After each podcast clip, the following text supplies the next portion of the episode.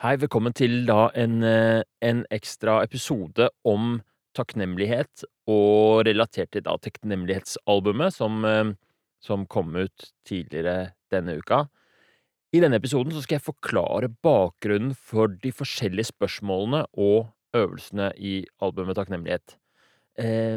Eh, og det blir en litt sånn personlig reise, fordi hvert eneste spor Det er jo 20 spor. Hvert eneste av de der spørsmålene og peptalkene, de har en liten historie, og som regel så er de historiene litt personlige. Eh, det har vært veldig viktig for meg opp igjennom egentlig å drive med takknemlighetsøvelser og forskjellige former for mental trening. Det er det jeg ser på det som. Takknemlighetsøvelser ser jeg på som en del av mental trening. Det er en måte å jobbe med egne holdninger og kanskje litt sånn mentale ferdigheter. Um, så vi skal gå gjennom hver uh, øvelse og noen av de peptalkene én etter én. Og så til slutt så skal jeg svare på noen av de spørsmålene og tilbakemeldingene som har kommet. Oppklare noen misforståelser. Så vi begynner rett og slett med spor nummer én. Så hvert av sporene i albumet er enten et spørsmål, eller så er det en, en peptalk. Så spørsmålene så kommer det bare kort i starten, eh, for eksempel som i spor nummer én, hva vil du Eller hva er du takknemlig for? Og så får du god tid til å reflektere. Og det er jo kanskje kjernen av dette prosjektet. Det som jeg savnet der ute, var akkurat sånne refleksjonsøvelser. Det jeg har lært fra motiverende intervju, er at øh, Det er kanskje det viktigste jeg har lært av det. Det er at det handler ikke om hva slags informasjon man gir til pasienten, eller det handler ikke om å liksom lese og ta inn mest mulig informasjon. Det handler om den prosessen hvor man reflekterer og jobber med eh, tankene og følelsene som allerede er der. Det er veldig viktig, og det er liksom mangelvare i samfunnet. Vi er hele tiden under press og under en voldsom innflytelse fra, eh, fra masse oppmerksomheten vår da, ikke sant, er alltid under dette presset, og det er hele tiden ting vi skal lese, ting vi skal følge med på, ting vi skal høre. Ikke sant? Jeg kan merke en hverdag hvor jeg går rundt med podkast på øret hvor enn jeg går, så er det noen som prater. Jeg kommer på jobb, så lytter jeg til noen, og så sitter jeg på PC-en og får masse mail, og så er det mm, videre. Og eh, de der pausene, de der rommene for å reflektere, er mangelvare. Det hadde jeg lyst til å skape, så derfor så det første man merker når man hører på både takknemlighetsalbumet og det forrige motiverende intervju på deg selv, det er at det er mye tid til eh, som er stille, hvor man skal jobbe. Det kan være veldig uvant for noen, men eh, det er kanskje en av liksom eh, kjernene i hele prosjektet. Så første spørsmålet hva er du takknemlig for? I, på akkurat den så legger jeg til en liten setning ekstra eh, kom gjerne med to-tre eksempler. Og det er litt for å komme i gang, ikke sant. Og det er ikke sånn at man må tenke på tre ting, men her skal man liksom komme i gang og liste opp eh, ting man er takknemlig for. Og som jeg sa, så ser jeg på dette som en mental trening, og dette er kanskje den mest sånn basic øvelsen, da. Det er tilsvarende pushups, liksom. Og eh, pushups, det er eh, i hvert fall hvis man modifiserer og tar det på knærne og sånt nå, så kan de fleste få til en pushup. Og her er det bare å, å trene i vei. Og, og, dette Det er jo denne øvelsen som er den mest sånn standard takknemlighetsøvelsen. Så når, når, eh, når du får se eh, Når du kjøper en sånn takknemlighetsdagbok, som det finnes veldig mange av, så, så er det denne øvelsen du gjør. Hva er du takknemlig for? Hvilke ting i livet ditt er du takknemlig for? Jeg syns det er en god øvelse, og grunnen til at vi ikke stopper der, er at jeg tror takknemlighet kan være ganske mye mer enn det også, da. Hvis man bare tenker på hva man er takknemlig for, så kan det hende at man havner i et spor hvor man, hvor man blir veldig opptatt av uh, alle ting, tingene sine, ikke sant? Hjemmet mitt og god mat i kjøleskapet. Og, og det som jeg prøver å få til her, er å utvide konseptet takknemlighet litt, sånn at du får enda mer uh, altså Hvis du drar til en personlig trener, og han bare ber deg ta pushups hele dagen, så er jo det litt rart. ikke sant? Du vil gjerne prøver masse forskjellige ting, så derfor så, så, så utvider vi det. En annen ting som er spesielt for albumet hvis du hører på Spotify, det er at der er det noe som heter Canvas. Det er små videosnutter som hører til hver sang eller spor, og som går i bakgrunnen. Det er sånn liten loop. I, de er sånn 3, 4, 5, 6, 7, 8 sekunder. Så jeg har laget små videolooper som går bak, Jeg vet ikke om du har lagt merke til det. Hvis du bare hører på det, så ser du ikke det, men hvis du går inn og trykker faktisk på sangen, så ser du denne loopen. Og der har jeg lagt til Det er en slags ordsky hvor um, det kommer noen forslag. Hvor jeg har skrevet inn noen ting jeg er takknemlig for. Litt, for, uh, litt fordi jeg syns det var veldig gøy når jeg først satte i gang å lage disse ordskyene, og, og også som um, inspirasjon. Jeg tror at hvis, hvis du virkelig skal jobbe og gjøre takknemlighetsøvelsen fra start til slutt, så ville jeg ikke gått inn og sett på de eh, Det tror jeg kanskje kan være mer forstyrrende enn det kan være givende, men hvis du kanskje hvis du står litt fast, eller hvis du har lyst til å bare sjekke det ut, så kan du kikke på de, få litt inspirasjon av de canvasene som ligger bak. Neste spørsmål, det er hvem er du takknemlig for? Og eh, her ser man allerede en, en, en, forskjell, ikke sant? Du kan være takknemlig for eh, ting og situasjoner, og så kan du være takknemlig for mennesker. Og jeg tror veldig mange, når man blir spurt om hva er du takknemlig for i livet ditt, så tror jeg veldig mange er inne på mennesker med en gang. Det skjer i hvert fall ofte når jeg gjør den, så hva er du takknemlig for? Så boom, så kommer jeg inn på, på mennesker. Og um, så blir det egentlig bare en fortsettelse når jeg spør hvem er du takknemlig for. Men det, det kan også være en tendens til at man glemmer litt alle de menneskene man kan være takknemlig for. Og det som er gøy her, er at det skal jo ikke være en sånn slags konkurranse 'Hvem er jeg mest takknemlig for?' Det her er ikke, her er ikke en sånn uh, Det her er ikke en lekseprøve på skolen hvor det er et fasitsvar. Hvem er du takknemlig for? Hvem, du, hvem, hvem rangerer du av de i livet ditt? Det her handler jo om å finne ting og oppdage nye ting å være takknemlig for. At det er som en liten eh, julaften, og så 'Å ja, men det, du fikk jo ekstra gave til slutten', liksom. Så det er veldig gøy når man kommer på 'Å ja, men jeg er jo takknemlig for han i kassa på Kiwi', som, eh, som gjør jobben ekstra bra, og som eh, er litt morsom. Eller eh, fastlegen, eller eh, Det veldig viktig å være takknemlig for legene sine. Det må man ikke glemme. Så så hvem er du takknemlig for? Der også var det jo veldig vanskelig å lage canvas, da, for da skulle jeg liksom det ble jo kanskje den mest personlige canvasen, hvor jeg lagde Jeg skrev noen liksom Skulle tenke meg og, på hvem jeg var takknemlig for i livet mitt. Så det er mange flere enn de som står der jeg er, er takknemlig for, da. Men det ble en fin liste uansett. Så kommer den første eh, peptalken. Og eh, disse er jo lengre tekster som går gjennom Altså hvert spor er ett minutt, så du har nå hatt ett minutt å tenke på hva er du takknemlig for, ett minutt å tenke på hvem du er takknemlig for, og så er det ett minutt hvor jeg bare prater. Og tanken er liksom at dette skal bli en slags pause, det skal bli en inspirasjon, og det skal bli liksom eh, hjelp til, til å komme videre. Det er sånn, ikke sant, Du har trent litt med den personlige treneren, og så har du gjort noen øvelser, og så forteller personlig treneren litt sånn OK, og det som er viktig med knebøy, er at du har sånn og sånn holdning og bla, bla, bla. Og eh, denne peptalken heter 100 milliarder mennesker, og jeg husker ikke hvor jeg hørte dette, men det var en eller annen podkast hvor det var en som eh, forklarte liksom dette konseptet. At se for deg Eh, jeg, jeg, tror i podkasten så var det Se for deg at det er en veldig, veldig gammel person som er helt på slutten av livet, og du spør den personen om den ville bytta med, med deg. Og det var veldig Det gjorde skikkelig inntrykk på meg da jeg hørte det første gangen. At ja, selvfølgelig Jeg tror jeg var litt sånn der sur og gretten og deppa kanskje den eh, dagen. Og så var det sånn men hvis eh, en, en 90-åring som ligger på sykehjem, kunne valgt å bytte, selvfølgelig ville den bytta. Og mm, det er en måte å snike seg inn på liksom det neste nivået av takknemlighet.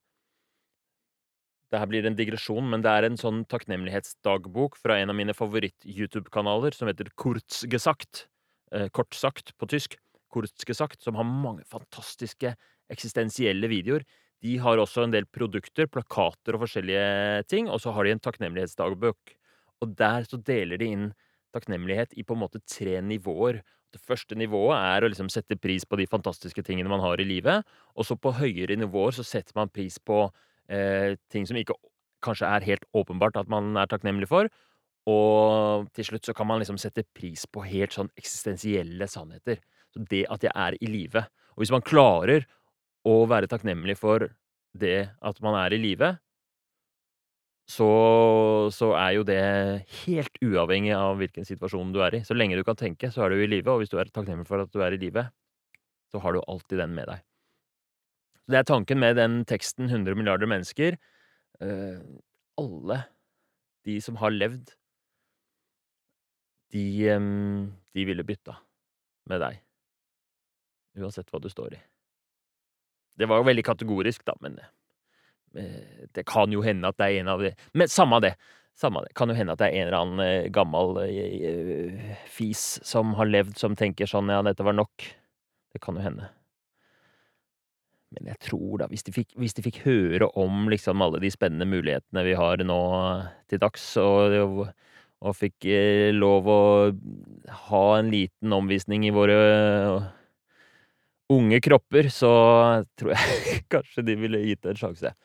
En annen ting med denne, eh, som er litt sånn indirekte, en tanke med dette 100 milliarder mennesker Altså, måten jeg kom fram til det, var at jeg googla hvor mange mennesker har levd på jordkloden gjennom gjennom, uh, gjennom menneskehetens historie. Og sånn det er nå, så er det eh, åtte eh, milliarder mennesker, og um, ifølge den svenske professoren som er avdød nå, som heter Hans Rosling, så sier han at det kommer til å stabilisere seg på ti milliarder mennesker. Og um, populasjonen på jordkloden har jo bare blitt større og større, vi har blitt flere og flere, men det kommer til å stabilisere seg. Men fortsatt, fordi det har vært så utrolig lang historie med masse generasjoner, så har det fortsatt eh, levd 100 milliarder mennesker, sånn cirka. Og det som jeg syns er interessant med det, er at veldig mange av de menneskene, eller alle menneskene, har jo etterlatt seg ting. Små ting og store ting. Sant? I oppfinnelser og kunstverk og bygninger og ideer. Og det leder oss over til det neste spørsmålet. Hvilke kunstverk, um, hvilke bøker, hvilke oppfinnelser er du takknemlig for? Jeg tror ikke jeg sier oppfinnelser der, og jeg tror ikke jeg sier bygninger heller, men det skulle jeg egentlig ønske at jeg hadde med. Fordi um, det syns jeg også er en veldig fin øvelse. Det blir veldig konkret. Hvilke kunstverk er du takknemlig for? Og i den der canvasen der så har jeg skrevet noen av mine favoritt bøker og filmer, og jeg tror til og med jeg har med et dataspill der. Som, eh, som har betydd mye for meg, og som Hvis man tenker over det Tenk at eh, liksom en film du så i går, og som ga deg en god følelse, den her det Altså Kanskje hundre flere mennesker som har jobba ræva av seg i mange år. Altså James Cameron, når han lagde, lager Avatar, så bruker han jo 20 år av livet sitt på å planlegge og iverksette den filmen. Så, så det syns jeg er en, en, gøy øvelse. Neste spor hvilke minner verdsetter du?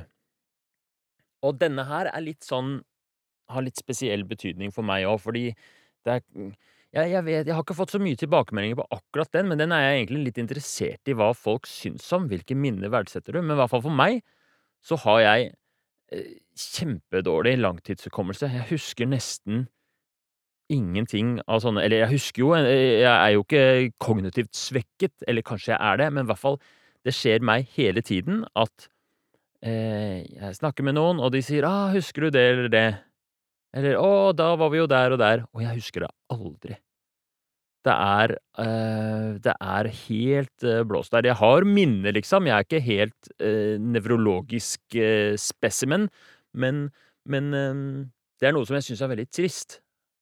Og det føles ut som jeg har gått glipp av noe hver gang noen forteller om en eller annen morsom erfaring vi hadde sammen.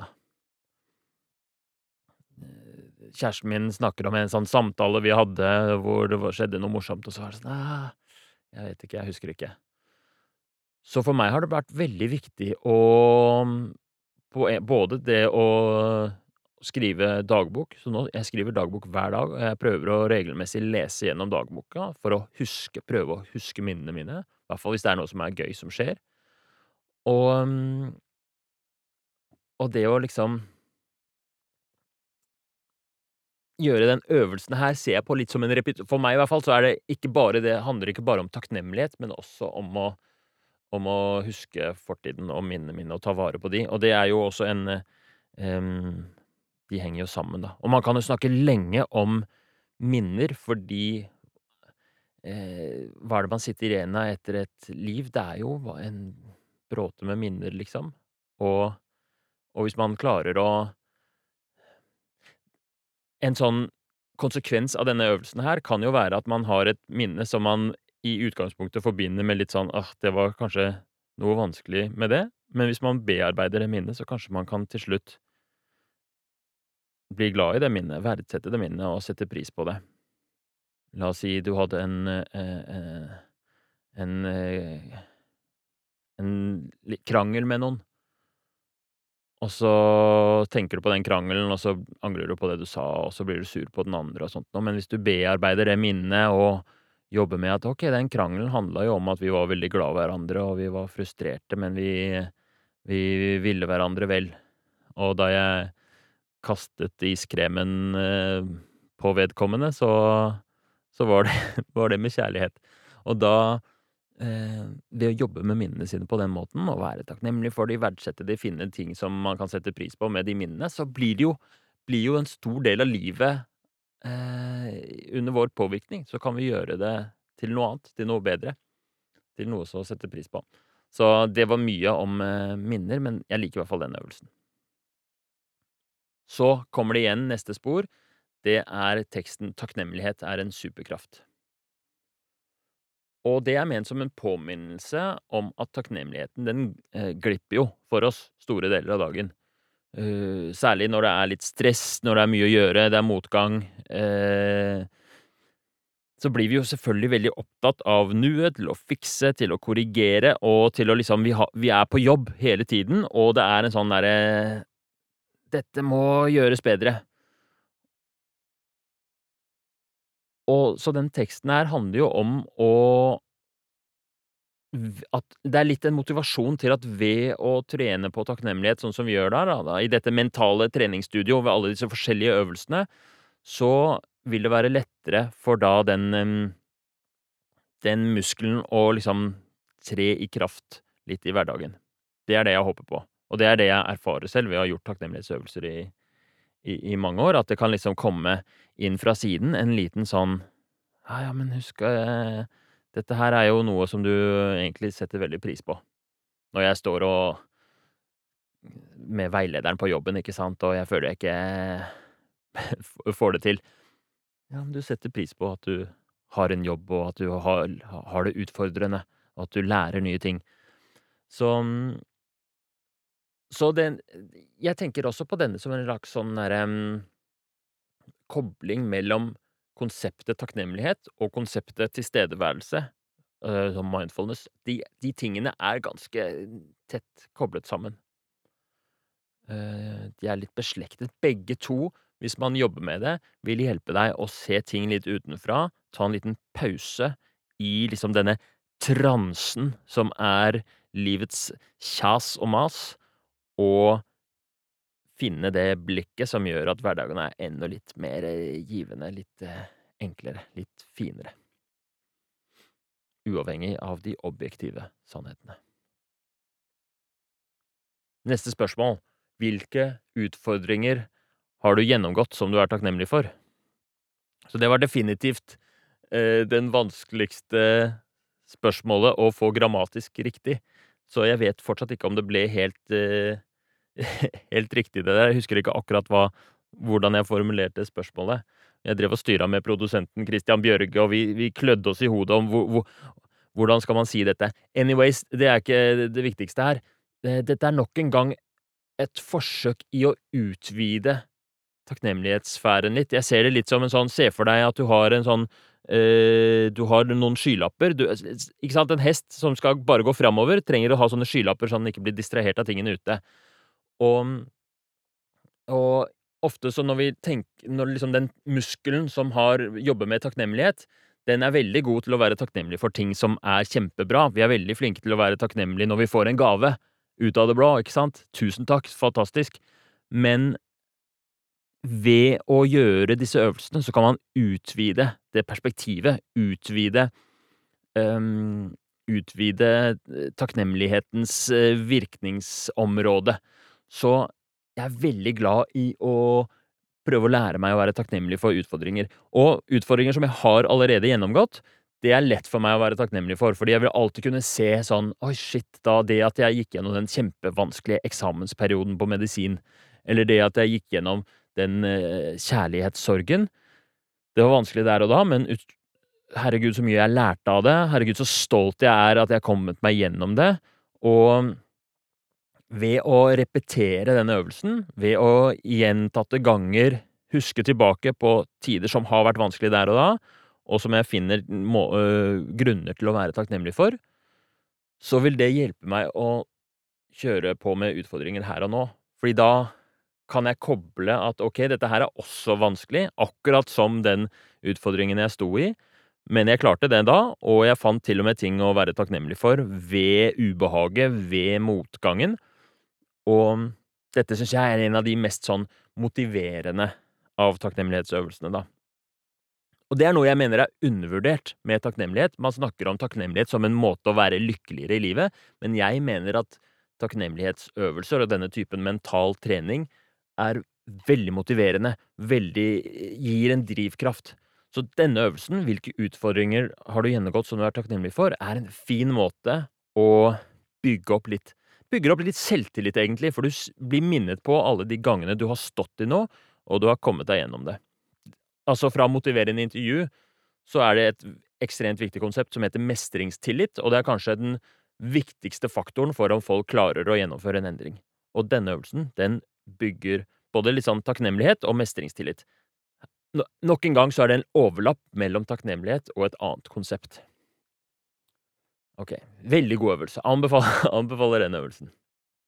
Jeg tror jeg har skrevet noen eh, noen av mine utfordringer i den canvasen til den øvelsen, i den ordskyen. Ok, og så eh, kommer den som kanskje har vært den jeg har fått mest tilbakemeldinger på, og som er jeg tror jeg nevner det i sporet også, at dette er den vanskeligste takknemlighetsøvelsen, og det er hvilke lidelser er du takknemlig for? Og den går litt på det samme. Den går på det at å prøve å Meningen med det er å prøve å utvide perspektivet. Og hvis man kan finne en liksom lidelser, tap eh, og jeg, jeg, bruker et tredje ord i, i Nå glipper det for meg, men i hvert fall hvilke lidelser er du takknemlig for? Hvis man kan finne en eller annen ting som i utgangspunktet er eh, trist eller vondt, og finne et eller annet med den man er takknemlig, takknemlig for, så så er tanken at det vil gjøre deg mer rustet for å møte lidelser i fremtiden, eller til å håndtere hverdagen. Og det Men denne her vet jeg jo er vanskelig, og den er litt sånn abstrakt, ikke sant? Uh, dette er Hvis man ser for seg et treningsstudio, så er dette her en litt sånn spesiell øvelse, kanskje for litt spesielt interesserte. Altså Hvis, hvis uh, takknemlighet er treningsstudio, så er dette her sånn stå på henda, på en måte, som for de aller fleste så er det, føles det for det første helt umulig og litt meningsløst og smertefullt, og man blir jo bare skada av det. Så hva er vitsen med å gjøre det? Du får ikke noe sånn direkte nødvendigvis noen helsegevinst av å kunne stå på henda, men for mange så er det ønsker man jo å kunne stå på henda. Og sånn er det med denne typen øvelser også. Um, tenker jeg. Det som er grunnen til at uh, En av hovedgrunnene til at jeg ville lage denne episoden, det var på grunn av tilbakemeldinger jeg fikk på akkurat denne øvelsen. Så en venn av meg som uh, uh, som hadde hørt på, sendte meg melding, og så sa han, eh, skrev han er jeg et dårlig menneske dersom jeg ikke greier å være takknemlig for lidelse. Og den, eh, det traff meg egentlig ganske Det var eh, Det syns jeg var litt vond melding å få, fordi jeg kjenner han, kjenner han godt, og han er um, Han har et uh, datter som er ganske syk. Og så er det jo uh, ikke meningen med disse sporene og være sånn Ja, men vær takknemlig. Det er liksom ikke tanken i det hele tatt. Så, så det har jeg lyst til å adressere litt her, da. At dette her er ikke nødvendig. Og det er ikke sånn at man skal være takknemlig for lidelse. Det er ikke sånn at takknemlighet er en fasit på hvordan man skal leve, og det er ikke sånn at det skal være riktig. Og jeg tror det det det er flere som har sagt til meg om denne øvelsen også, Um, sånn Ja, det var en som sa Ja, jeg klarte å være takknemlig for det at jeg hadde vært venn med en som var kjip, men hvis jeg hadde blitt voldtatt, så ville den øvelsen her provosert meg veldig, og det skal man ikke. Og det det er jeg helt helt enig i. Så så se på den øvelsen litt som å å som noe som ikke er liksom nødvendig eller et mål at man skal kunne få til, men men jeg tror fortsatt det kan være verdifullt å prøve det og og og reflektere over sine egne følelser, og føle deg helt fri til å hoppe over denne. Og det altså, det er også tanken med hele albumet. Det er jo 20 spor. Det er altfor mange til å ha dette som en jevnlig takknemlighetsøvelse. Så det som jeg har sagt hele tiden, det beste, det er å finne seg fire-fem favoritter, lage en egen spilleliste og og gjøre den litt jevnlig. Og så kan man eventuelt bytte ut etter hvert.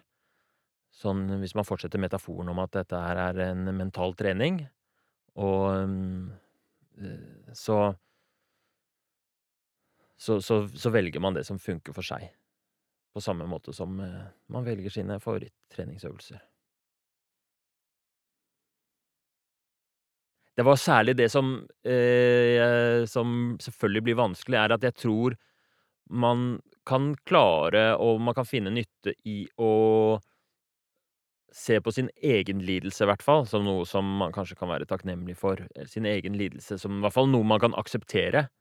Og det tror jeg kan for de fleste være nyttig. Men med en gang det er andres lidelse, altså et barn som er sykt, så så så blir det helt blir helt feil å liksom skulle være takknemlig for det. Da er det andre følelser som er mye mer naturlige, og som også er viktige å slippe fram, ikke sant?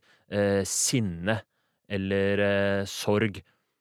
Jeg tror at jeg tror at man kan ha mye Det kan være veldig viktig å bearbeide de følelsene også.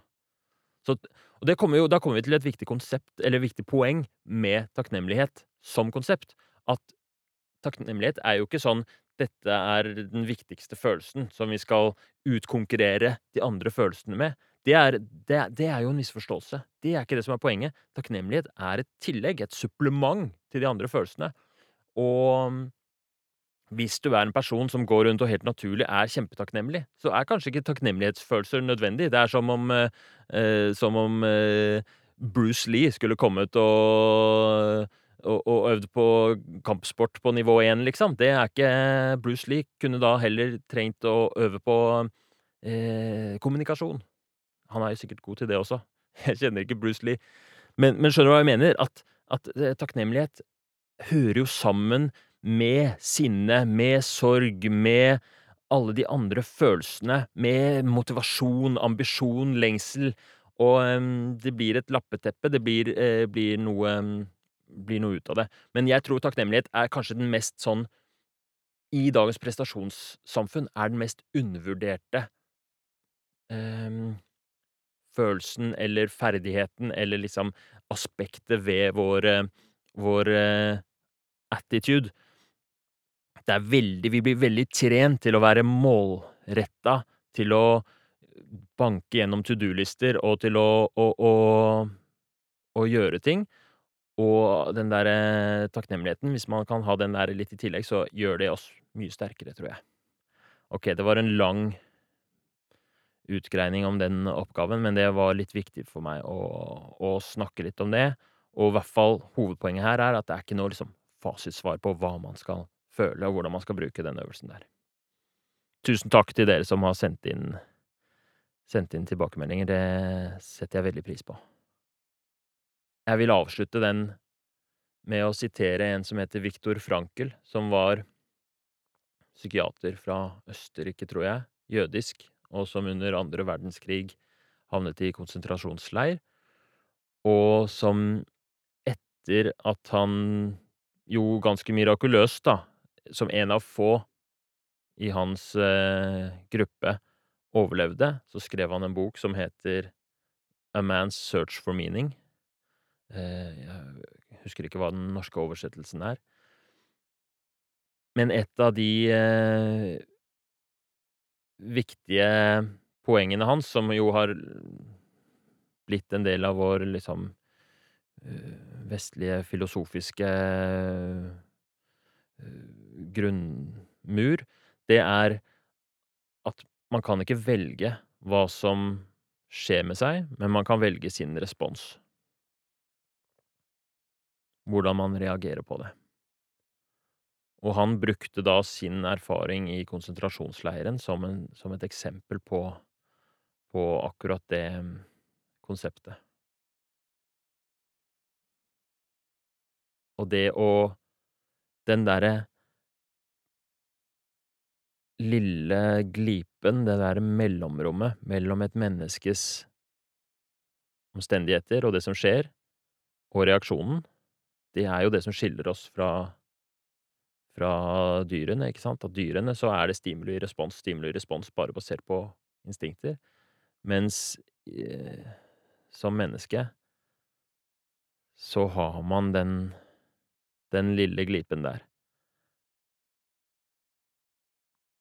Det er i hvert fall, syns jeg, er veldig inspirerende. Å tenke på den måten. Og se på livet på den måten. Og da Da liker jeg å fòre den glipen, fylle den glipen, med, med blant annet takknemlighet. Og andre gode verdier, slik at jeg kan leve sånn som jeg ønsker å leve og leve opp til um, det håpet jeg har om å kunne være et godt menneske, da. Uh, dette blir fantastisk uh, intens episode, men uh, jeg, jeg, sa jo på forhånd at dette kommer til å bli personlig, og dette kommer til å bli um, um, ja, ja, ja jeg, jeg, jeg, aner ikke helt hvor vi kommer til å gå, men jeg skal gå gjennom alle øvelsene. Nå er vi vel cirka halvveis. Neste spor på albumet Takknemlighet, det er ånden i lampen. Så disse, det er tre av disse peptalksene, disse tekstsporene, hvor, um, som har litt samme karakter, som hvor jeg tar uh, lytteren med på en uh, reise. Så denne her er at man møter ånden i lampen ute i, i verden, og så, så, sier den 'ønsk deg uh, hva som helst'. Jeg kan knipse og gjøre, gi det oppfyllelse. Og her er det jo ikke en refleksjonsøvelse. Her blir det på en måte ledet gjennom et slags eh, en historie, og eh, du-personen sier i dette tilfellet 'nei, jeg ønsker meg ingenting, jeg vil fikse det selv'. Og eh, her også han samme som syntes at den øvelsen med lidelse var vanskelig, han var, ble litt irritert på denne ånden. Eller ikke irritert, men han sa sånn den ånden skulle fått kjørt seg hvis det var meg. Det syns jeg var en veldig morsom eh, kommentar, og det er et godt bilde.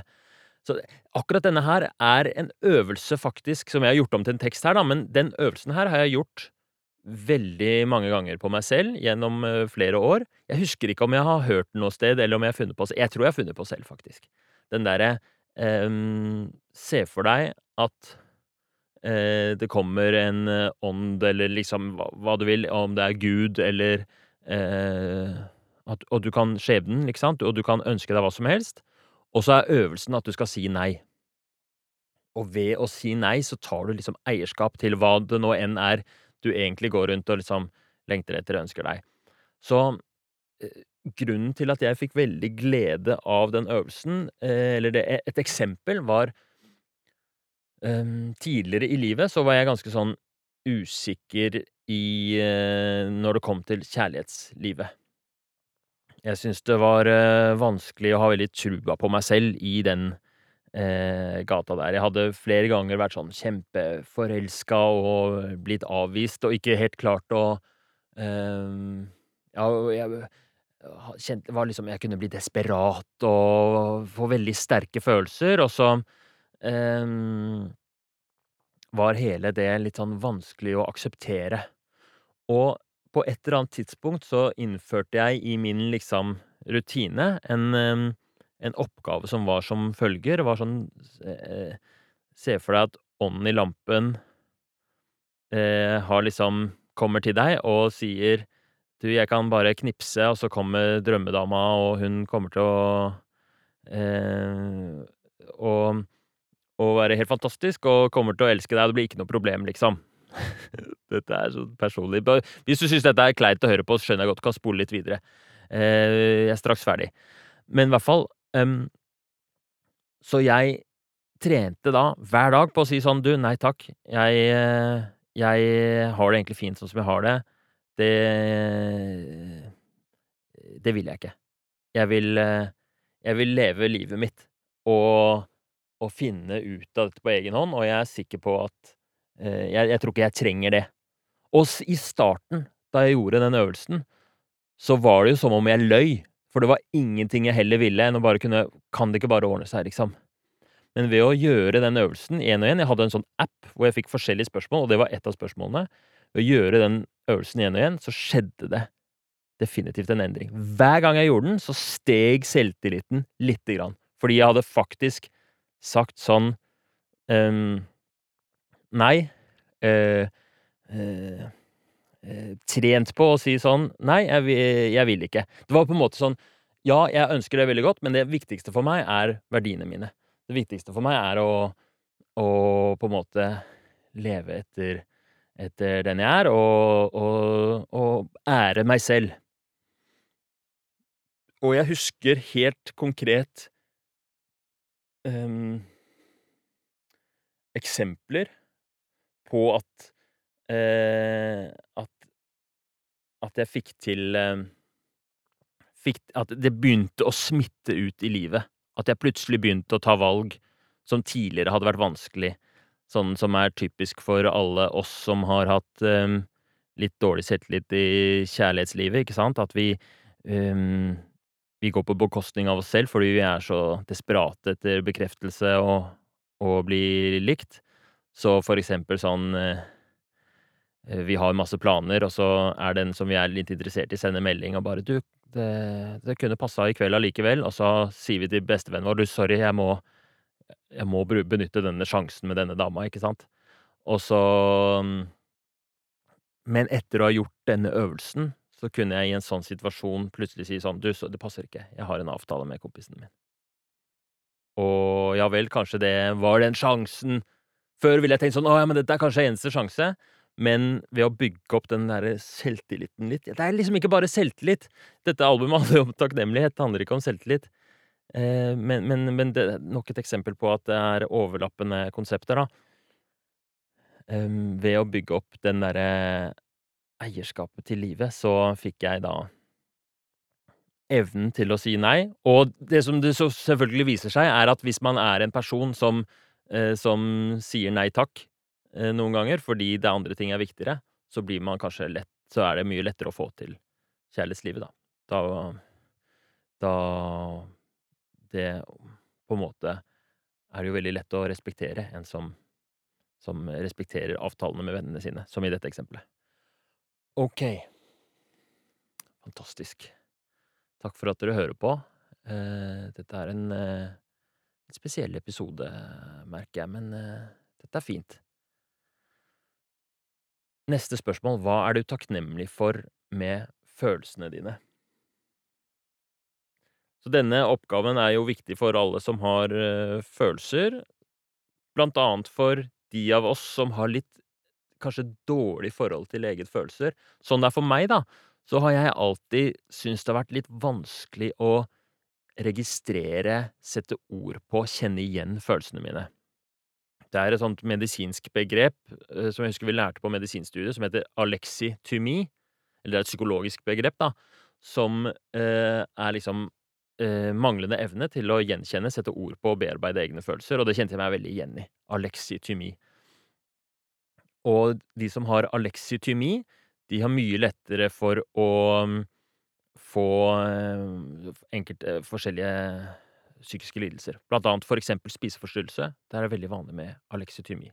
Jeg sier ikke at jeg har aleksytymi, eh, det er jo liksom en, en diagnose, merkelapp, men dette konseptet å ha litt vanskelig forhold til egne følelser, det er kjempevanlig. Enten at man ikke gjenkjenner de sånn som jeg gjorde, at, liksom, at de er noe fremmed, noe litt rart, uhåndgripelig, eller for andre at de er veldig sterke, veldig uforutsigbare. Og det som veldig ofte skjer hos oss mennesker, er at vi havner i konflikt med våre egne følelser. At vi på en eller annen måte prøver å enten dekke over de, rømme fra de, eh, ha forskjellige forsvarsmekanismer for å liksom unngå å føle på ting som er vondt, eller at vi prøver å, å skjule de for andre. At vi har lært at liksom, du kan aldri vise at du er sint, for eksempel, i barndommen. Og når du blir sint, så holder du det inne og retter sinnet mot deg selv, og at det blir skam og depresjon isteden.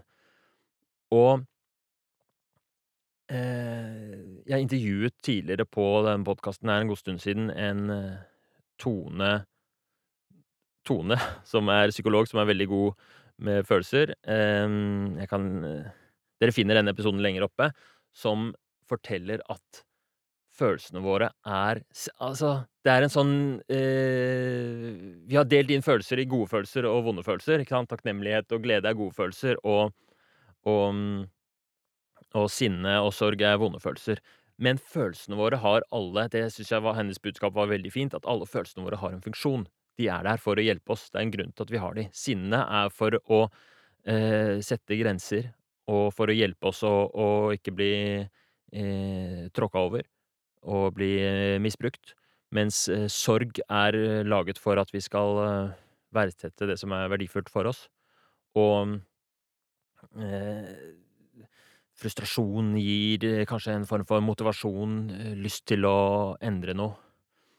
Så Derfor så syns jeg det er en veldig fin øvelse å finne ut noe man er takknemlig for med følelsene sine, og bruke dette både som en måte å styrke sin generelle takknemlighet, men også samtidig bli mer vennlig innstilt til eh, til følelser. For de som liker å følge med på de canvasene, her er canvasen ødelagt fordi eh, Jeg tror det er fordi denne låta heter Hva er du takknemlig for med følelsene dine? Første oppgaven er Hva er du takknemlig for? Så jeg tror Spotify tror at det er samme låta, så jeg klarer ikke å lage forskjellige. Så hvis jeg legger inn en canvas på den, så blir den canvasen på begge to. Det samme, Spotify teller streams på disse to sammen, så det blir litt sånn rart. Jeg har prøvd, jeg har lagt inn sånn, så når jeg skal skifte navn på akkurat den tracken, kanskje det løser det. Ok, neste spørsmål. Hvilke lengsler er du takknemlig for? Det er mange som har sagt til meg at den var litt vanskelig. Hva mener du egentlig med lengsler? Uh, jeg tror man like gjerne kunne sagt behov. Uh, jeg, jeg, bare liker godt lengsler. Jeg får en sånn deilig, uh, sterk følelse når jeg tenker på mine lengsler. Så det, en del av å være menneske er at man har masse behov. Vi trenger masse. Vi har, hvis du kjenner til Maslows behovspyramide, ikke sant, som jo også er en sånn grunnstein i vår forståelse av den menneskelige psykologi, så er eh, trenger vi trygghet, vi trenger nærhet, vi trenger bekreftelse, vi trenger å føle at vi hører til, vi trenger å mestre, og vi trenger å utvikle oss. Og eh, i samfunnet vårt så er det kanskje en tendens til at våre lengsler og behov er forbundet med noe negativt. Det er en veldig eh, liksom eh, fokus på at det er verdifullt og sterkt å være selvstendig. Å kunne klare seg selv og være uavhengig. De der filmstjernene er sånne uavhengige, trenger ingenting. De klarer seg sjøl, ikke sant. Rambo og, og, og, alle superhelter og alle, alle sånne vinnerne på film. De er veldig uavhengige. Men det er jo øh, bare tull. Vi alle trenger andre.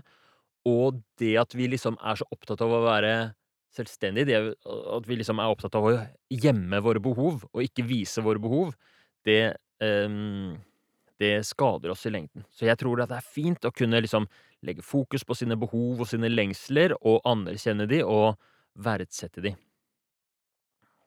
Jeg trodde før, da jeg liksom var usikker på meg selv og ikke, ikke fikk det helt til i kjærlighetslivet, kanskje, så trodde jeg at jeg måtte kvitte meg med mine behov for å kunne eh, bli elsket, ikke sant? At man måtte Det tror jeg er mange som har denne tanken at jeg er for needy, jeg har for mye behov. Og eh, selvstendighet handler jo om Det handler ikke om å kvitte seg med sine behov. Det handler om å lære seg å få sine behov dekket. Og tørre å si 'nå trenger jeg litt bekreftelse', eller 'nå trenger jeg litt pause', eller 'nå trenger jeg litt øh, anerkjennelse', eller hva det nå er.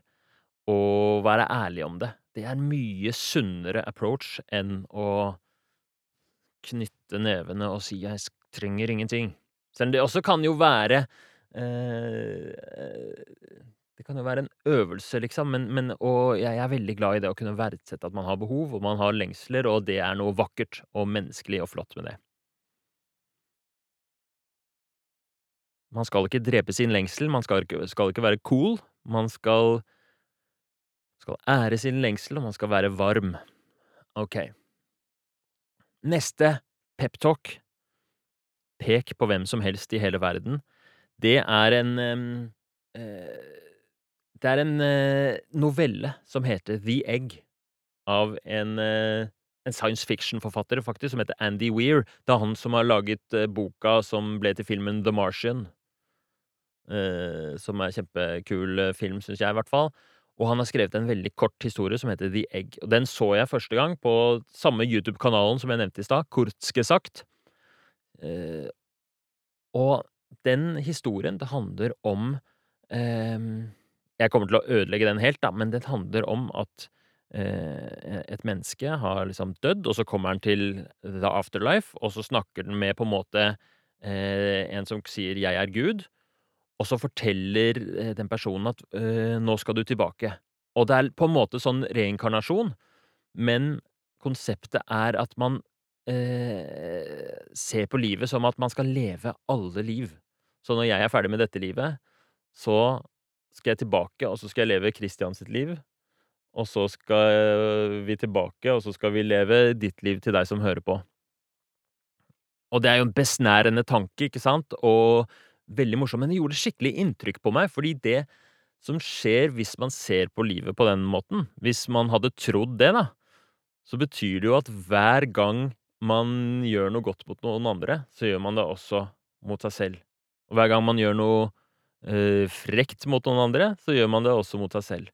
Og det er en så veldig spennende måte å se på øh, mennesket på, forholdet mellom mennesker på. Det er jo noe som jeg tenker liksom I et sånt vestlig eh, og sekulært eh, samfunn, hvor man er veldig sånn vitenskapelig, så kan man kanskje få en tendens til å se på mennesker som veldig separate individer. Helt sånn der jeg er ferdig, så begynner du, og det er ingen sammenheng mellom oss.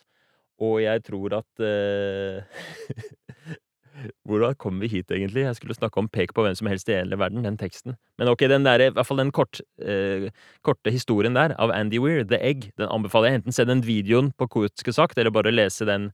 Den er fritt tilgjengelig, den eh, Den eh, Hva heter den? Novellen.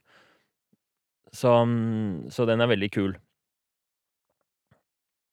Men i hvert fall eh, Pek på hvem som helst i hele verden det er da en tekst litt inspirert av det, hvor, hvor det kommer en liten fe bort til deg og sier du kan peke på hvem som helst i hele verden, og bytte, hvis du vil. Bytte liv. Og øvelsen da er at man skal, eller man blir ledet gjennom til å si sånn nei takk, jeg vil ha mitt eget liv. Litt for å sette pris på det, og trene seg opp til eh, Det er samme som ånden i lampen, ikke sant? Trene seg opp til å verdsette sitt eget liv. Og at det handler ikke om hvem som har mest suksess eller penger eller noe sånt, det handler om å verdsette de tingene som er unikt for seg, og som man kan oppleve.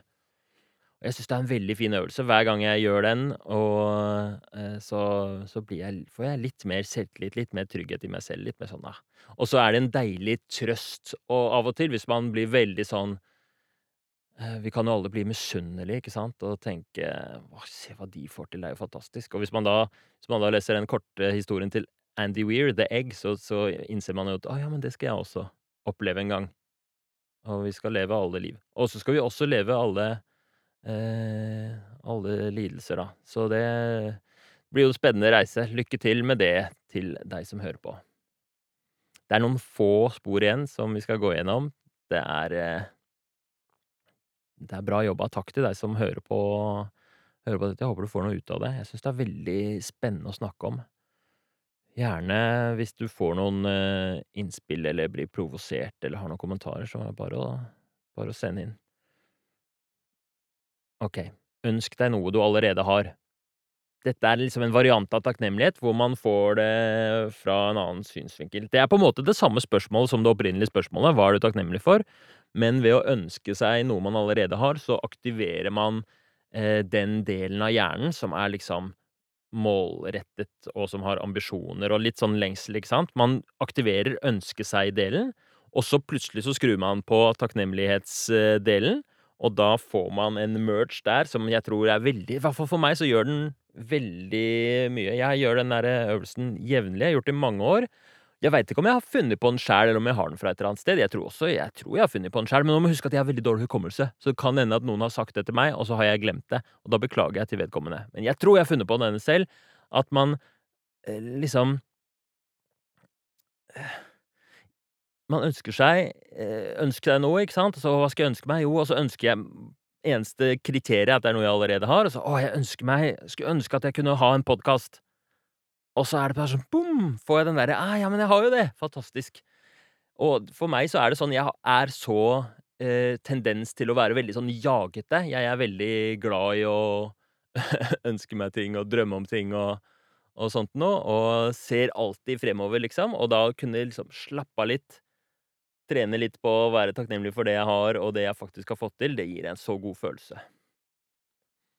Mm, og, men jeg trenger jo det, da. Jeg trenger å roe ned litt, ikke sant. Jeg trenger å ta pauser. For noen så kan det jo være at man er veldig tilfreds med alt man har, og aldri tør å, å, å ønske seg noe som man ikke har. Så da kan det kanskje være motsatt. Da burde du kanskje vente til mitt neste album, som skal ta for seg litt eh, Handle litt mer om ambisjoner og vilje og drømmer og hvordan man bygger opp det.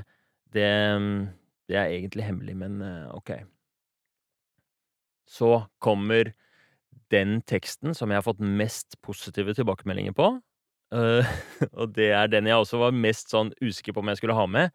Det er Vi er alle medfødt feilvare. Som er en tekst litt i samme gate som de, eh, den med ånden og den med feen. Her er det et troll som man møter i skogen, og så er det liksom du-personen som interagerer med det trollet. Da får du liksom blir du fora av replikkene og sånt noe. Og på et tidspunkt så spør det trollet liksom eh, Krangler litt med deg. Har du ikke ambisjoner? Vil du ikke gjøre noe? Og så svarer du noe veldig klokt, og så blir det trollet gjort om. Du har liksom svart helt riktig. Så det, eh, det trollet blir gjort om til Per Fugelli, og dere får en, da, lite fint øyeblikk. Jeg er veldig inspirert av Per Fugli. Jeg hadde jo han som foreleser da jeg starta på medisin, og han eh, var en veldig viktig stemme på fakultetet, medisinske fakultet i Oslo. Eh, det var liksom hele tiden snakk om han, og han var jo veldig ut, mye ute i media, og man så han hele tiden på, i kantina, og det var liksom Ble alltid starstruck når man så han, da. Og eh, i løpet av studiet mens vi studerte, så døde jo han i offentligheten, og Døden skal vi danse kom ut, og dokumentar om han, og husker vi hadde forelesning eh, mens han var veldig syk, og det var liksom så utrolig imponerende hvordan han Man kunne se liksom hvor, hvor skrøpelig han var i kroppen, og han klarte ikke å bevege seg rundt sånn som i før, så hadde han beveget seg rundt på, i forelesningssalen, og sto han bare og klamret seg til til um, til den derre pulten der, da, og Men stemmen var fortsatt liksom ljomet, og budskapet var blitt enda sterkere, for han hadde ikke kraft nok til å si lange setninger, så han måtte si korte setninger med mye luft mellom, og det ble bare så sterkt. Forelesningssalen var helt full, var jo hele det var jo for vårt kull, men jeg så jo Vi var jo dobbelt så mange, plutselig. Masse folk jeg ikke ante hvem var, som var for å se på de forelesningene. Og alle var helt musestille. Bortsett fra når det kom en vits. Da lo jo alle De var jo veldig morsomme, de. Han var jo veldig morsom. Og, eh, så i denne her eh, teksten, eh, peptalken, så kommer det jo en sånn Per Fugelli-imitasjon. Som jeg var litt nervøs for å gjøre. Er det greit, liksom? Og er det noe som noen vil høre på? Men min kjæreste Kristin, eh, som by the way har laget eh, artworket til albumet, altså den, det bildet som jo er noe av det kanskje jeg får både den her og det forrige motiverende intervjuet på deg selv, det jeg har fått mest positive tilbakemeldinger på, det er kunsten. Coverarten. Så gratulerer med det, Kristin. Hun er veldig kry over det. Fortsett å sende, sende det. Hun blir kjempeglad. Men hun syns i hvert fall det er veldig morsomt når jeg på i, i hverdagen driver og imiterer Per Fugelli. Så hun ler alltid, og hun var veldig på at jeg skulle Jo, den må du ha med, den må du ta med. Så da gjorde jeg det, og det er jeg glad for nå, da, i og med at eh, folk har syntes den var morsom. Men jeg håper jo at den øvelsen også er litt givende, at vi får fram det um, Det budskapet til Per Fugelli som handler mye om at vi skal eh, Vi skal være Vi er gode nok, og det er veldig verdifullt å leve et vanlig liv, og at vi alle har feil, vi alle har eh, imperfeksjoner, vi alle har tingene våre vi sliter med, og det er fint. Og det budskapet til eh, Per Fugelli, det er jo veldig mye takknemlighet i det, da. Så jeg syns det passet fint å ha med og gi han en liten cameo her. Og så syns jeg den eh, peptalken sklir veldig godt over i neste øvelse, som er min favorittøvelse på dette albumet. Hvilke vanlige ting setter du pris på? Og som jo da er øh, også veldig inspirert av Per Fugellis øh, budskap da, om at det er de vanlige tingene, de, den derre tingene man gjør hele tiden, tingene som man gjør ofte, som øh, jo er så deilig å klare å sette litt pris på og verdsette.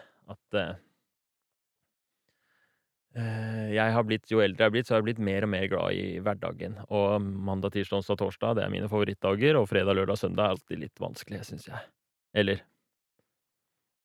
Ja, jeg, også, jeg elsker den øvelsen. Det, det jeg drikker jo ikke kaffe engang, men jeg setter pris på koffeinfri kaffe, da. Ikke sant? At det, det er en av de tingene jeg liker. Og jeg og setter pris på liksom eh, de nære samtalene og vennskapene og treningsøktene og når jeg eh, Sånn som i dag, så skal jeg trene etterpå med Per, og da skal vi ta han på Sio Vulkan. Så er det en kuldekulp. Så da skal vi hoppe i den kuldekulpen i et halvt minutt eller et minutt eller noe sånt nå, og Per sier alltid eh, tusen takk for at vi får denne kuldekulpen. Litt sånn på tull da, når vi går inn i det, for vi er alltid nervøse. Det er jo alltid litt smertefullt, og så er det morsomt, og så føler vi oss så bra når vi er ute av den. Og det er noe vi gjør uh, minst én gang i uka, og det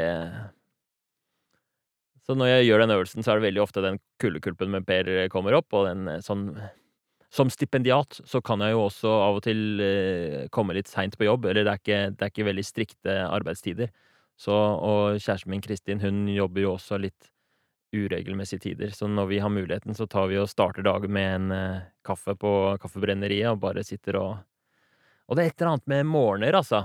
Det er veldig eh, Ja, jeg er veldig glad i morgener. Ok.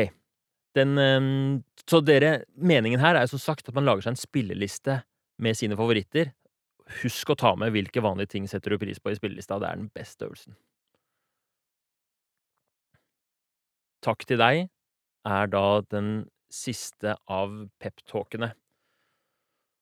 Og den ble til eh, Eller, ja, den teksten der oppsto liksom litt sånn spontant i en samtale med mm, Anette Dragland i podkasten Leger om livet. Det er jo, hun er god venn av meg, og hun har laget Norges, en av Norges mest populære podkaster, Leger om livet. Den regner jeg med alle har hørt masse. Og der har jeg fått være med et par ganger. Og i en samtale hvor vi snakka om endring, hvorfor er det vanskelig å endre seg, hvordan skal man endre seg, så kom det fram, det derre eh, Det var jo ikke noe manus eller noe sånt men så, så var det veldig viktig for meg å få formidla at At uh, vi lever dette livet på første forsøk, og Og vi har liksom en sånn tanke om at nå er vi voksne. Nå skal vi kunne klare å få det til, liksom. Og, og særlig de pasientene eller de gjestene jeg har i podkasten som er i 20-åra, da, og som tidlig 20-åra òg, kanskje, og som er sånn derre innbitt. Ja, men dette her er jo lett, dette skal jo være mulig for et voksent menneske å få, få til. Og så, jo eldre jeg blir, jo, jo, jo, mer åpenbart er det for meg at fy søren, vi er jo alle sammen bare Vi, vi prøver, men vi veit jo ikke hva vi driver med, noen av oss.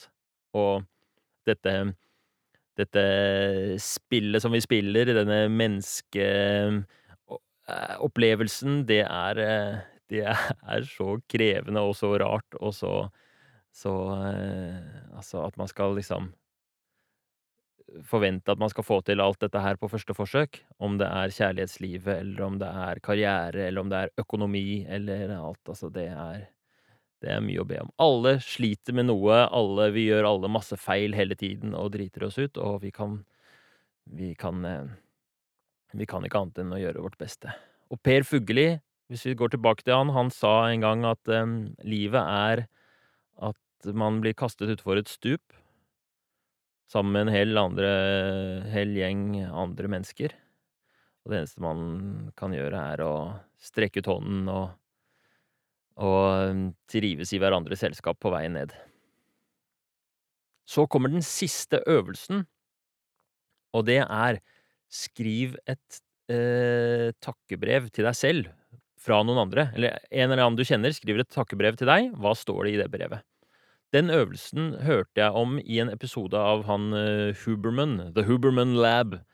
Eh, kanskje verdens mest populære vitenskapsmann for tiden, som er en sånn helt ekstremt smart eh, forsker, hjerneforsker-nerd, som som kan veldig mye om alt, og har lange podkastepisoder om om psykologi og om om ikke sant, alt fra isbading og kuldekulp og dopamin og prokrastinering og alt som er viktig for mennesket, liksom, det, det, det kan han veldig mye om. Så han hadde også en episode om takknemlighet, hvor han sa at dette er den beste takknemlighetsøvelsen um, fra sitt uh, vitenskapelige perspektiv. Og jeg er helt uenig i det, da, at det er noe som er bedre enn andre øvelser. Det er veldig individuelt. Det er som å si dette er den beste treningsøvelsen. Ja, for hva da? Men um, men jeg er veldig enig med han at dette er en kjempebra øvelse. Og grunnen til at han sier at det er den beste øvelsen, er at den har hatt best resultater på en eller annen parameter i en eller annen øvelse. Altså dette var det som ga mest lykkefølelse, for eksempel, når man satte takknemlighetsøvelser opp mot hverandre. Og jeg hadde aldri hørt om den før, og det var et helt nytt perspektiv for meg, eh, så jeg syntes det var veldig spennende å prøve den ut, og jeg har prøvd den ut masse ganger. Det er også en av de som jeg har i min sånn jevnlige rutine. Um, så en gang i uka eller eh, et eller annet så får jeg denne her oppgaven, og jeg syns det funker kjempebra. Fordi det er noe som er veldig fjernt for oss å forestille oss i vår daglige psykologiske eh, underbevisste rutine, det at vi skal se for oss hva andre er takknemlige for oss for. Så, så det gir meg alltid en veldig sterk følelse når jeg setter meg ned og tenker hva er det egentlig eh, min mor eller min kjæreste eller min venn eller min kollega vil takke meg for?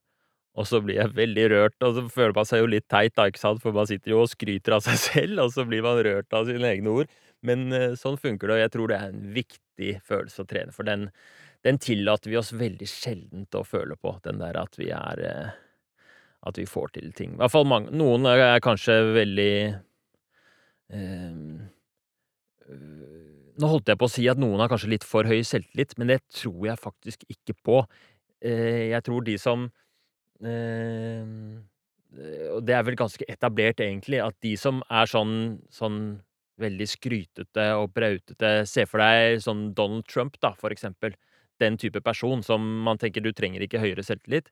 De er jo de som har lavest selvfølelse, liksom. Som har lavest eh, eh De som har de eh, dypestliggende psykologiske arrene, jeg, tror jeg, da. Så det er kanskje Trump som kunne trengt den øvelsen her aller mest. Og kunne virkelig selv produsert den følelsen av at jeg er eh, god nok eh, med en sånn Med den Hubermans takknemlighetsøvelse, da, da kanskje han eh, Kanskje han hadde vært litt vennligere, da. Jeg veit ikke. Nå skal ikke dette handle om, eh, om amerikansk politikk, det kan jeg veldig lite om, så den hopper vi eh, greit videre fra. Det var jo alle øvelsene. Eh, så nå skal jeg til slutt bare gå gjennom noen av de meldingene, tilbakemeldingene, spørsmålene som har kommet. Og den ene meldingen var fra en, en venn av meg som som lurte på Ja, jeg syns det dette var interessant perspektiv, og det var en fin øvelse, og det var litt nytt for meg, men jeg likte det. Men hva med folk som er deprimert? Er det ikke litt øh, øh, vanskelig da å kreve at man skal være takknemlig når man er deprimert? Og det syns jeg var et godt spørsmål.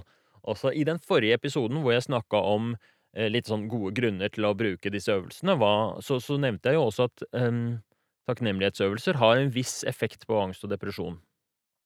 Men ikke veldig sterk i forhold til for eksempel eh, samtaleterapi eller eh, medisiner. Og jeg tror han har helt rett i at hvis du er skikkelig deprimert Deprimert er jo på en skala fra ikke deprimert i det hele tatt til veldig, veldig dypt deprimert. Og særlig hvis du er dypt deprimert, så er jo den delen av hjernen som øh, kan være takknemlig, eller som kan være håpefull, den er jo helt slått ut. Den er helt øh, i dvale. Um, og jeg har jo jobbet på, på akuttpsykiatrisk og sett alvorlig deprimerte pasienter, og det er en sykdom som er helt vanskelig å forestille seg. Fordi da er hjernen helt um, Den virkelig fungerer ikke. Viktige, viktige deler av hjernen er helt satt ut av spill. Og man er preget av vrangforestillinger, og energien er på liksom et helt annet nivå. Man kan ha man kan, ha, man kan få sånne helt sånn absurde forestillinger om, om, skyld. At det er min skyld at uh, den krigen der skjedde.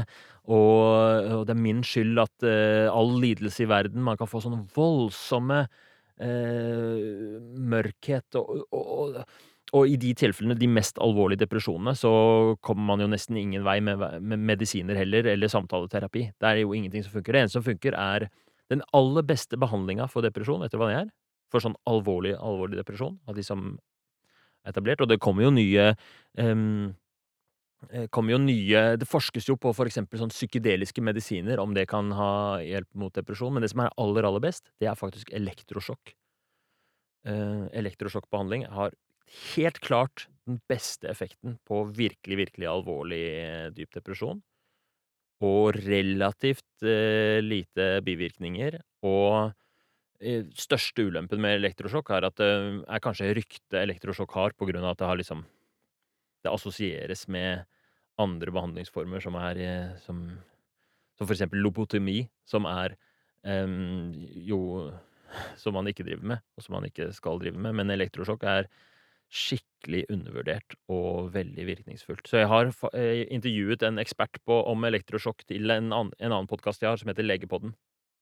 Så hvis man er litt interessert i sånne ting, så burde man høre den. Det er utrolig lærerikt. Og, um, men det sier noe om, om, Altså, det er en hjerne som er helt eh, Helt eh,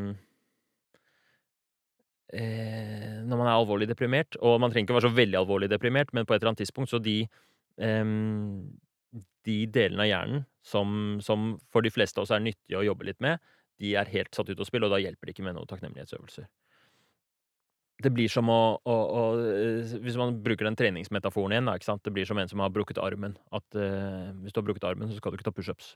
Da må du ha gips og vente til det er eh, grodd, og så kan du ta pushups. Så det var veldig interessant, den der tilbakemeldingen fra, om, om, hva med folk som er deprimert. Så, så det, målgruppa her er ikke Poenget med denne øvelsen, det er ikke behandling av øh, depresjon, men det er forebyggende.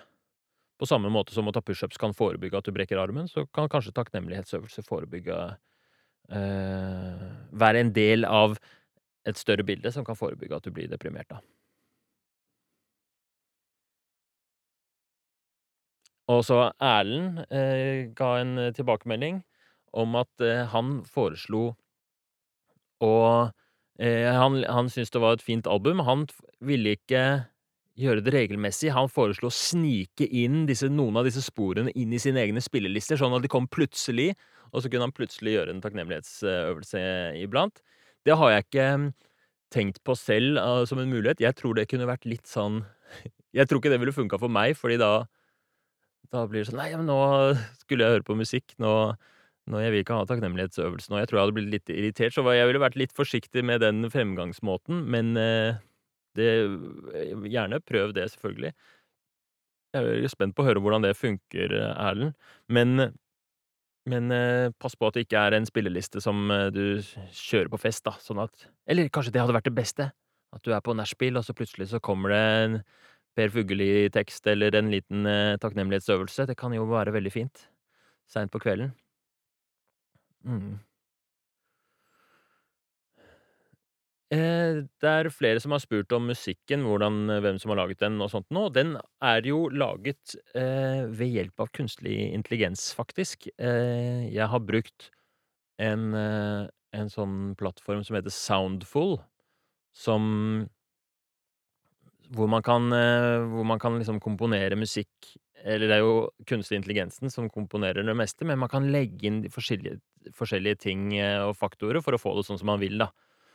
Og det som er veldig viktig for meg, er jo øh, Jeg er veldig glad i matte og tall, så jeg har lyst til å ha veldig kontroll på nøyaktig beats per minute og lengden på sangen og sånn. Så det er helt perfekt verktøy for meg. Og, og, også denne musikken her skal jo være litt på en måte øh, anonym, og den skal ikke bevege seg så mye. Den skal være repetativ og gå i bakgrunnen, fordi her er det øvelsene som er viktige. Så det der øh, verktøyet har egentlig vært helt perfekt å bruke. Og da kan jeg få det sånn at at hvert spor kan være akkurat ett minutt og inneholde akkurat da 96 beats, og det skal gå opp i åtte, sånn at den alltid slutter på en åtter. Fordi det som er tanken, er at seinere, når, når jeg har flere album ute, så selv om det er forskjellig musikk i bakgrunnen, så skal de være kompatible med hverandre, sånn at du kan lage en spilleliste med to spor fra takknemlighetsalbumet, to spor fra selvtillitsalbumet og tre spor fra vilje- og ambisjonsalbumet. Og så kan du da lage deg ditt eget lille mentale treningsprogram som gir mening, og som går opp i hverandre, og hvor musikken ikke krasjer med hverandre. Og da eh, Musikken Det blir jo ikke et like sterkt og fantastisk kunstuttrykk, sånn som de aller første låtene vi lagde, hvor jeg hadde en helt fantastisk hjelp av Dag Holtan Hartvig. Ikke bare på å lage musikken, men på hele konseptet. Han er jo en helt utrolig begavet uh, musiker og tidenes smarteste fyr, liksom, og han, han, har jo Men han fikk så utrolig dårlig tid, så det var han som faktisk tipset meg om dette Soundful-plattformen, uh, uh, fordi han, han, går jo solo nå med artistkarrieren Slopes. han har konsert, faktisk slipp-konsert i kveld av sin nye EP, så når du hører dette, så er, er den EP-en ute. Men, eh, men de første sangene, eh, de var jo større kunstverk enn kanskje den sangen her nå, men, eh, men jeg liker veldig godt det at jeg kan styre og ordne og tilpasse selv, og lært meg det programmet, sånn at jeg kan få det akkurat som jeg vil, med, med både med liksom hvordan dynamikken er på låta, hvor, hvordan overgangene blir fra, fra låt til låt. Så derfor har jeg også lagt inn da Eh, hvis dere, de som er veldig observante, ser at det nest siste på sporet, eh, sporet på albumet, er en ett minutts eh, Ett minutt av musikken, og så det siste sporet er hele sangen, som er fem minutter. Og gjennom albumet så er det de fem minutterne er loopa, da. Men da kan man for eksempel, hvis man trenger mer betenkningstid på enkelte oppgaver, så kan man legge inn den ettminutteren i spillelista si på egnede steder, og så får man litt mer tid. Så tanken her er jo at dette her er mental trening. Det er et verktøy som du, uh, som du, kan designe selv. Det er det som er så genialt med at det er musikk på Spotify. Hadde det vært bare en podkast, så hadde man ikke kunnet gjøre det, men her kan man dele opp og tilpasse akkurat sånn som man vil. Og senere så kan jeg også lage spillelister som har helt spesifikke funksjoner. Så når jeg har liksom flere album ute, så kan jeg lage en spilleliste som er denne her er den jeg anbefaler til deg som har en liksom funk, eller som har en veldig dårlig dag. Da hører du på denne. Der, her er oppgaven for deg som vil ha de vanskeligste oppgavene, som er liksom for viderekommende. Hvor man bare er takknemlig for lidelse og ønsker seg ting som Ja, ikke sant? Så jeg syns dette Derfor har liksom Spotify vært en perfekt plattform uh, for å um, For å slippe dette. Og så er jeg også litt bevisst på, og kanskje fått noen signaler om at det er noen som syns det er litt sånn um, Selvhjelp er jo på en sånn voldsom bølge nå alle, i, i bokhandlene så er liksom selvhjelps... Eh, avdelingen bare vokser og vokser og vokser, og utkonkurrerer andre avdelinger, ikke sant? Og romaner og sci-fi og biografier og blir flyttet lenger og lenger bort, og så selvhjelpen sitter igjen som en sånn som et sånt imperie i midten. Og selvhjelp har tatt over podkast, og det har tatt over um, tatt over TV, ikke sant? Helsekost, Furuset. Det handler liksom om selvhjelp overalt.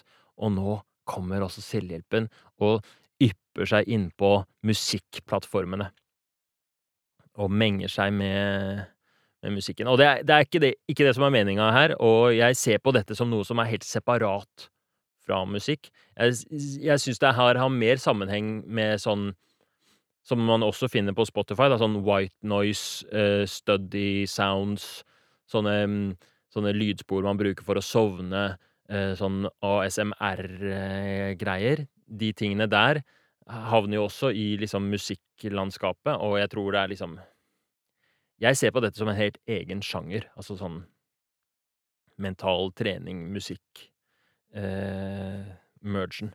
Det finnes faktisk litt av det før. Det finnes noen sånne der eh, det, er, det, er, det, er, noen andre som driver med noe av det samme, som er kjempebra. Eh, så, men det er veldig i startfasen. Men jeg tror dette kommer til å bli det er min spådom, og det jeg håper. Og jeg kommer i hvert fall til å gjøre mitt beste for å få til det. At dette kommer til å bli veldig mye sånne kule verktøy man kan få.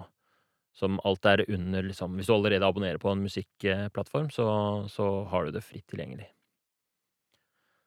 Um, så det er også mange som har satt, satt, pris på at det er gratis. Uh, og det er jo ikke helt gratis, for man må ha et abonnement på en musikkplattform. Jeg tror de aller fleste har en eller annen måte å høre på musikk på. Men det er viktig for meg at dette er tilgjengelig for absolutt alle, særlig med tanke på at jeg på et tidspunkt har lyst til å forske på dette her og se om noen av disse verktøyene faktisk kan være behandling, kan være kan, At man kan vise, liksom dokumentere at det har en effekt på visse ting.